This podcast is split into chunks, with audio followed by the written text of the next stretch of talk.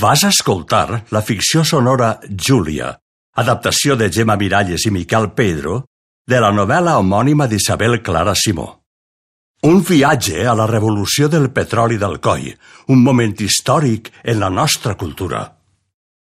Capítol 9. Júlia Lama. No em voldran mai, Josep.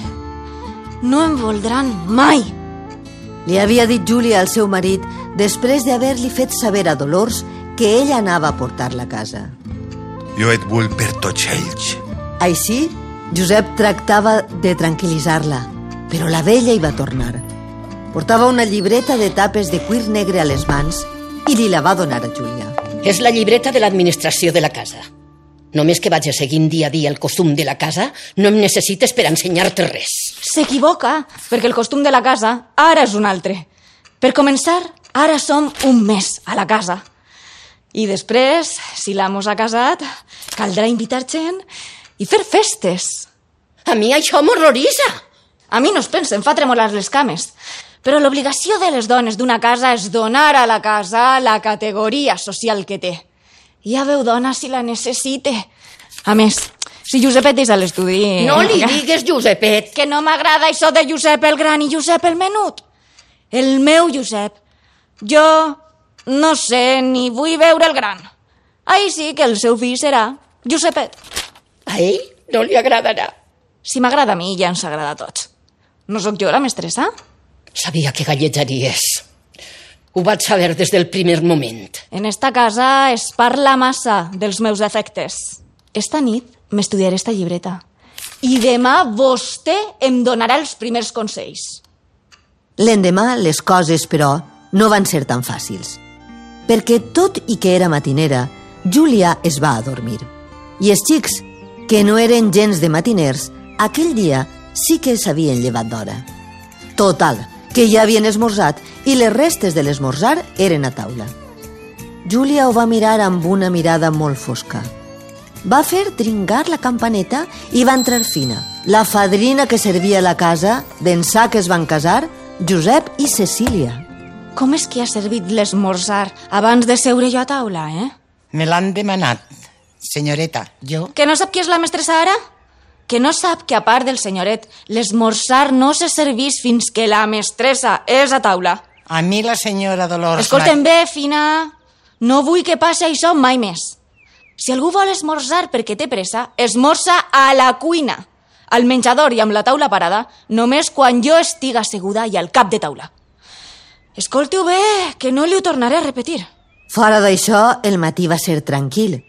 Quan la sogra tornava de missa, Júlia la va anar a cercar a la seva cambra i li va demanar mil explicacions amb to dolç i sumís. La vella s'hi resistia, però va acabar parlant i donant explicacions. Sap què he pensat? Que a la missa del diumenge podria vostè esperar a les 12 i, i aniríem tota la família junta. La vella gairebé es va emocionar. Aquell pensament li va fer il·lusió i es va mirar la xica amb agraïment. I els xics? On s'han ficat? Ves a saber-ho. Mira, sí, ho vull saber. A l'hora de dinar, tots dos estaven a taula, però no aconseguiren fer amb la senyora Dolors el joc de cada dia, de parlar només per a els tres, perquè la vella va parlar tota l'estona amb Júlia. Josep ni se'n va adonar i en acabar va marxar corrent a la fàbrica. Júlia va entrar a la seva cambra i va estar estudiant el pressupost. Devien ser les sis quan va cridar l'Eulàlia, la fadrina jove, i va dir que cercara el senyoret Josep, que volia parlar amb ell. Josepet, he parlat amb ton pare. Ah. Sí, tant ell com jo sabem el teu mm, desagradable incident amb la Virtudes. Ni ell ni jo et volem obligar a casar-te. Mirarem per ella i per la criatura, això sí. Ara bé, també sabem que no tens ni el primer curs de dret. Josepet es va sobresaltar i va deixar el posat d'altivesa. Tens dos camins. O la fàbrica o l'escola industrial, com va fer ton pare. Ni tornes a València ni et permetrem gandulejar més. Eh, pensa-teu, perquè passant Nadal et decidiràs. Ai, per cert, Des d'avui jo administre la casa. La teua paga era ja alta per viure a València. Però vivint en esta casa no te'n farà falta ni la meitat. Això ja ho veurem.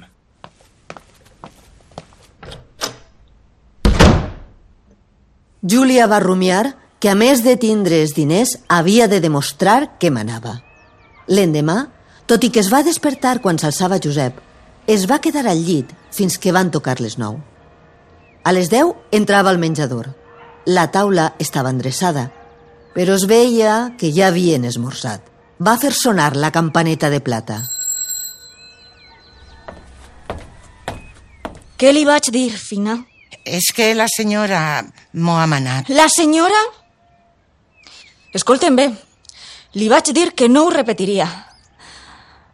Així que vaig a recollir la seva roba, que esta nit ja no dorm vostè així. Què? La dona es va posar a plorar com una espiritada i se'n va anar tan de pressa com li ho permetien les cames a veure la senyora Dolors.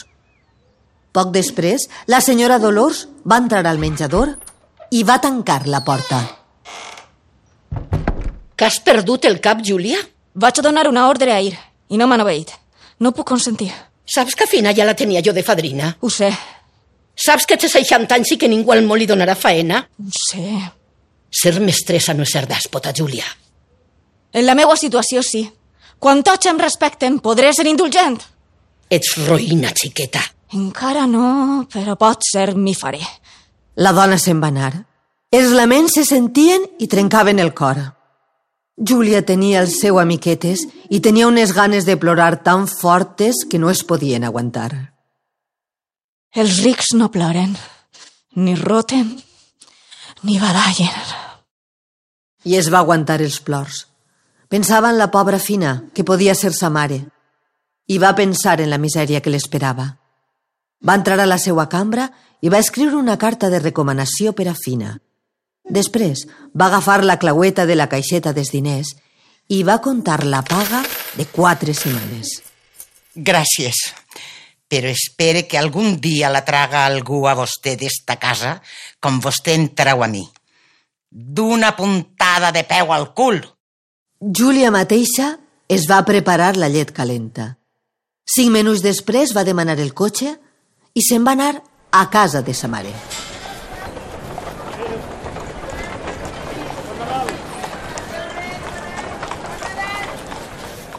La va trobar una mica beguda i la casa plena de brutícia. La va renyar i li va dir que buscara una dona per ajudar-la. I hi ha la mare de Rafelet, i Fina, que jo acabe de despatxar. Li donaré l'adreça. A mi deixa'm tranquil·la, que ma casa estarà com jo vulga. He vingut a demanar-li que em faça un encàrrec per a mi, que busque Glòria i li diga si vol ser la meua minyona. La mare va protestar, però quan Júlia li va contar què havia passat, es va posar a riure, ensenyant les genives i fent cops de mà a les cuixes. Josep no va anar a dinar i la família estava silenciosa com si velaren un mort. Encara no havien acabat i ja trucaven a la porta. Eulàlia va dir que hi havia una dona que volia veure la senyora i que es deia Glòria. Glòria estava molt contenta de l'oferta de Júlia i quan aquesta li va dir la paga no s'ho podia ni creure. Pe- Però jo no he servit mai, no, no sé si sabré fer-ho. Si no saps, no podràs quedar-te. Però jo t'ajudaré. T'hauré de dir de vostè? No, dona, no. Només si hi ha alguna visita. Ara, mai de la vida has d'anomenar Rafelet en esta casa. Jo? La presència de Glòria va caure com una bomba. Però al cap de pocs dies, com que la xica era tan endreçada i tan servicial, s'hi van acostumar. Una nit, mentre sopaven, Júlia es va dirigir al seu marit. Josep, vull que m'envies el lleig perquè m'agradaria parlar amb ell. Però sense endarrerir la faena. I es pot saber què vols d'ell? Vull la llista de tots els empleats de la fàbrica. Ve Nadal i, i he pensat fer-los un regalet. És una bona idea. Saps que mon pare ho feia? I des de que van començar a destruir màquines es va trencar el costum. I mai més no ho havia pensat. També vull saber si es podia fer una cosa senzilleta amb els obrers. Amb els obrers? Això no s'ha fet mai en cap fàbrica. Tu sempre dius que els teus obrers estan tan contents de tu. I jo, que hi he treballat anys, mai no he sentit una sola paraula que ningú estiga content. Una botella de vi i un torronet els tocarà més el cor que la teua teoria dels salaris alts. I va anar el lleig. I Júlia li va demanar una còpia de la nòmina i que volia saber totes les altes i baixes i totes les coses que passaven als obrers. I als empleats de categoria, encara més. I el seu fill? Tinc entès que ja ha començat quart de dret. Ell va bé gràcies al senyoret, però si ja no el necessita, no sé què se'n farà del pobre xic. Vostè serviscan bé a mi i el seu fill acabarà la carrera. I encara més, en mi ja té el primer client. D'aquell moment endavant, Júlia era per el lleig la primera persona al món. A la fàbrica, els empleats van veure que després de l'amo, ningú al món podria senyorejar-hi que no fora la senyoreta Júlia. La senyoreta Júlia, com ja li dien. Quan va arribar el dissabte següent, Júlia va dir al seu marit que s'hi havia convidat Lluís Montllor i la seva esposa. Eren les primeres persones que entraven convidades d'ençà de la boda. I Júlia volia quedar bé. Lluís i Anna, la seva muller, eren una parella molt moderna. Si el dinar va ser un èxit, la vesprada encara ho va ser més. M'havien dit que Josep es casava amb una obrera, però el que jo veig és que Josep s'ha casat amb una dama que per les voltes de la vida estava fent d'obrera i que a més és molt bonica. Anna es va entendre amb Júlia de seguida i es va estranyar que fora tan ignorant en coses que s'han de saber per a fer de senyora. Això és una comèdia com totes les altres, amb una diferència, que ho has de fer bé. Uh -huh. I tu tens un inconvenient més, que tu no sols has de ser dama, sinó molt més que qualsevol altra. Perquè tot en tu farà sospitar si ja has fet una vulgaritat. Mira, si la teua sogra posa per cas, riu massa fort o diu una cosa una miqueta fora de to, tots li ho acceptaran. I tu, amb la meitat, series crucificada.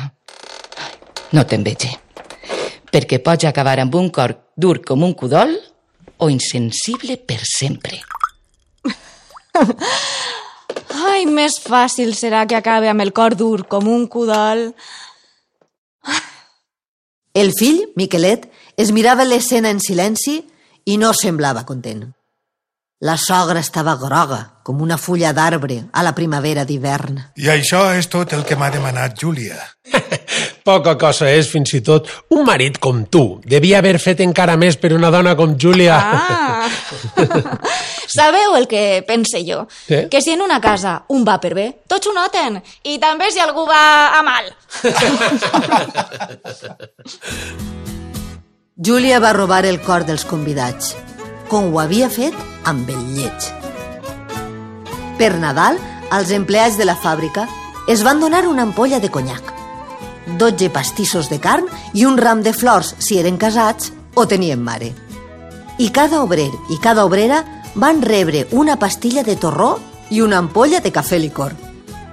A casa de Rafelet ho van amagar, però no per gaire temps, perquè l'endemà de cap d'any el xicón se'n va anar a servir a Melilla.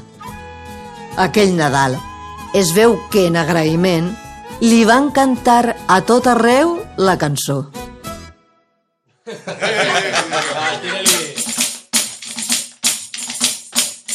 Júlia pensava les coses, no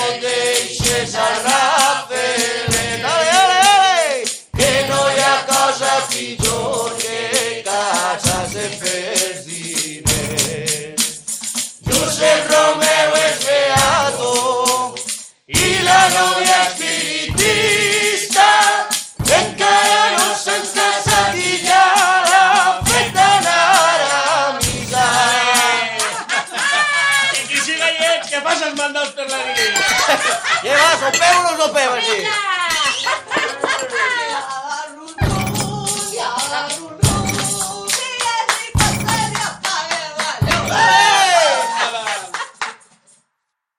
El dia de cap d'any es va fer festa grossa.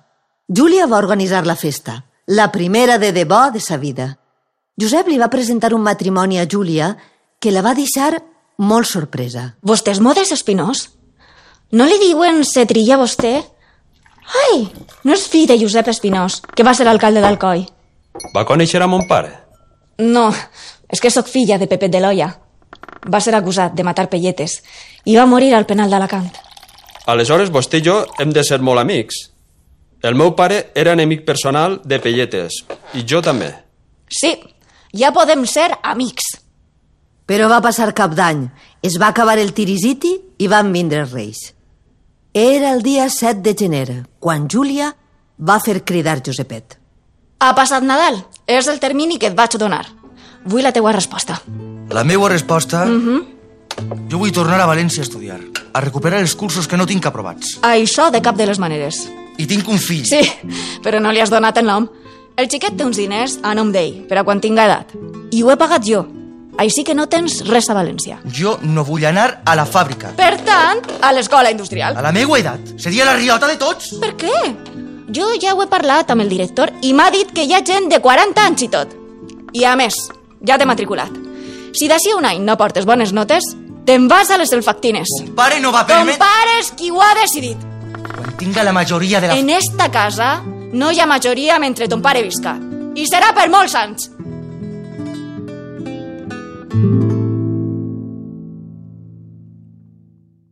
Has escoltat l'adaptació a radioteatre de la novel·la Júlia d'Isabel Clara Simó, una producció de la Dependent amb el suport de la Conselleria de Cultura i Esport, Ajuntament d'Alcoi, Acadèmia Valenciana de la Llengua, Unió Alcoiana Seguros, Ràdio Alcoi i A.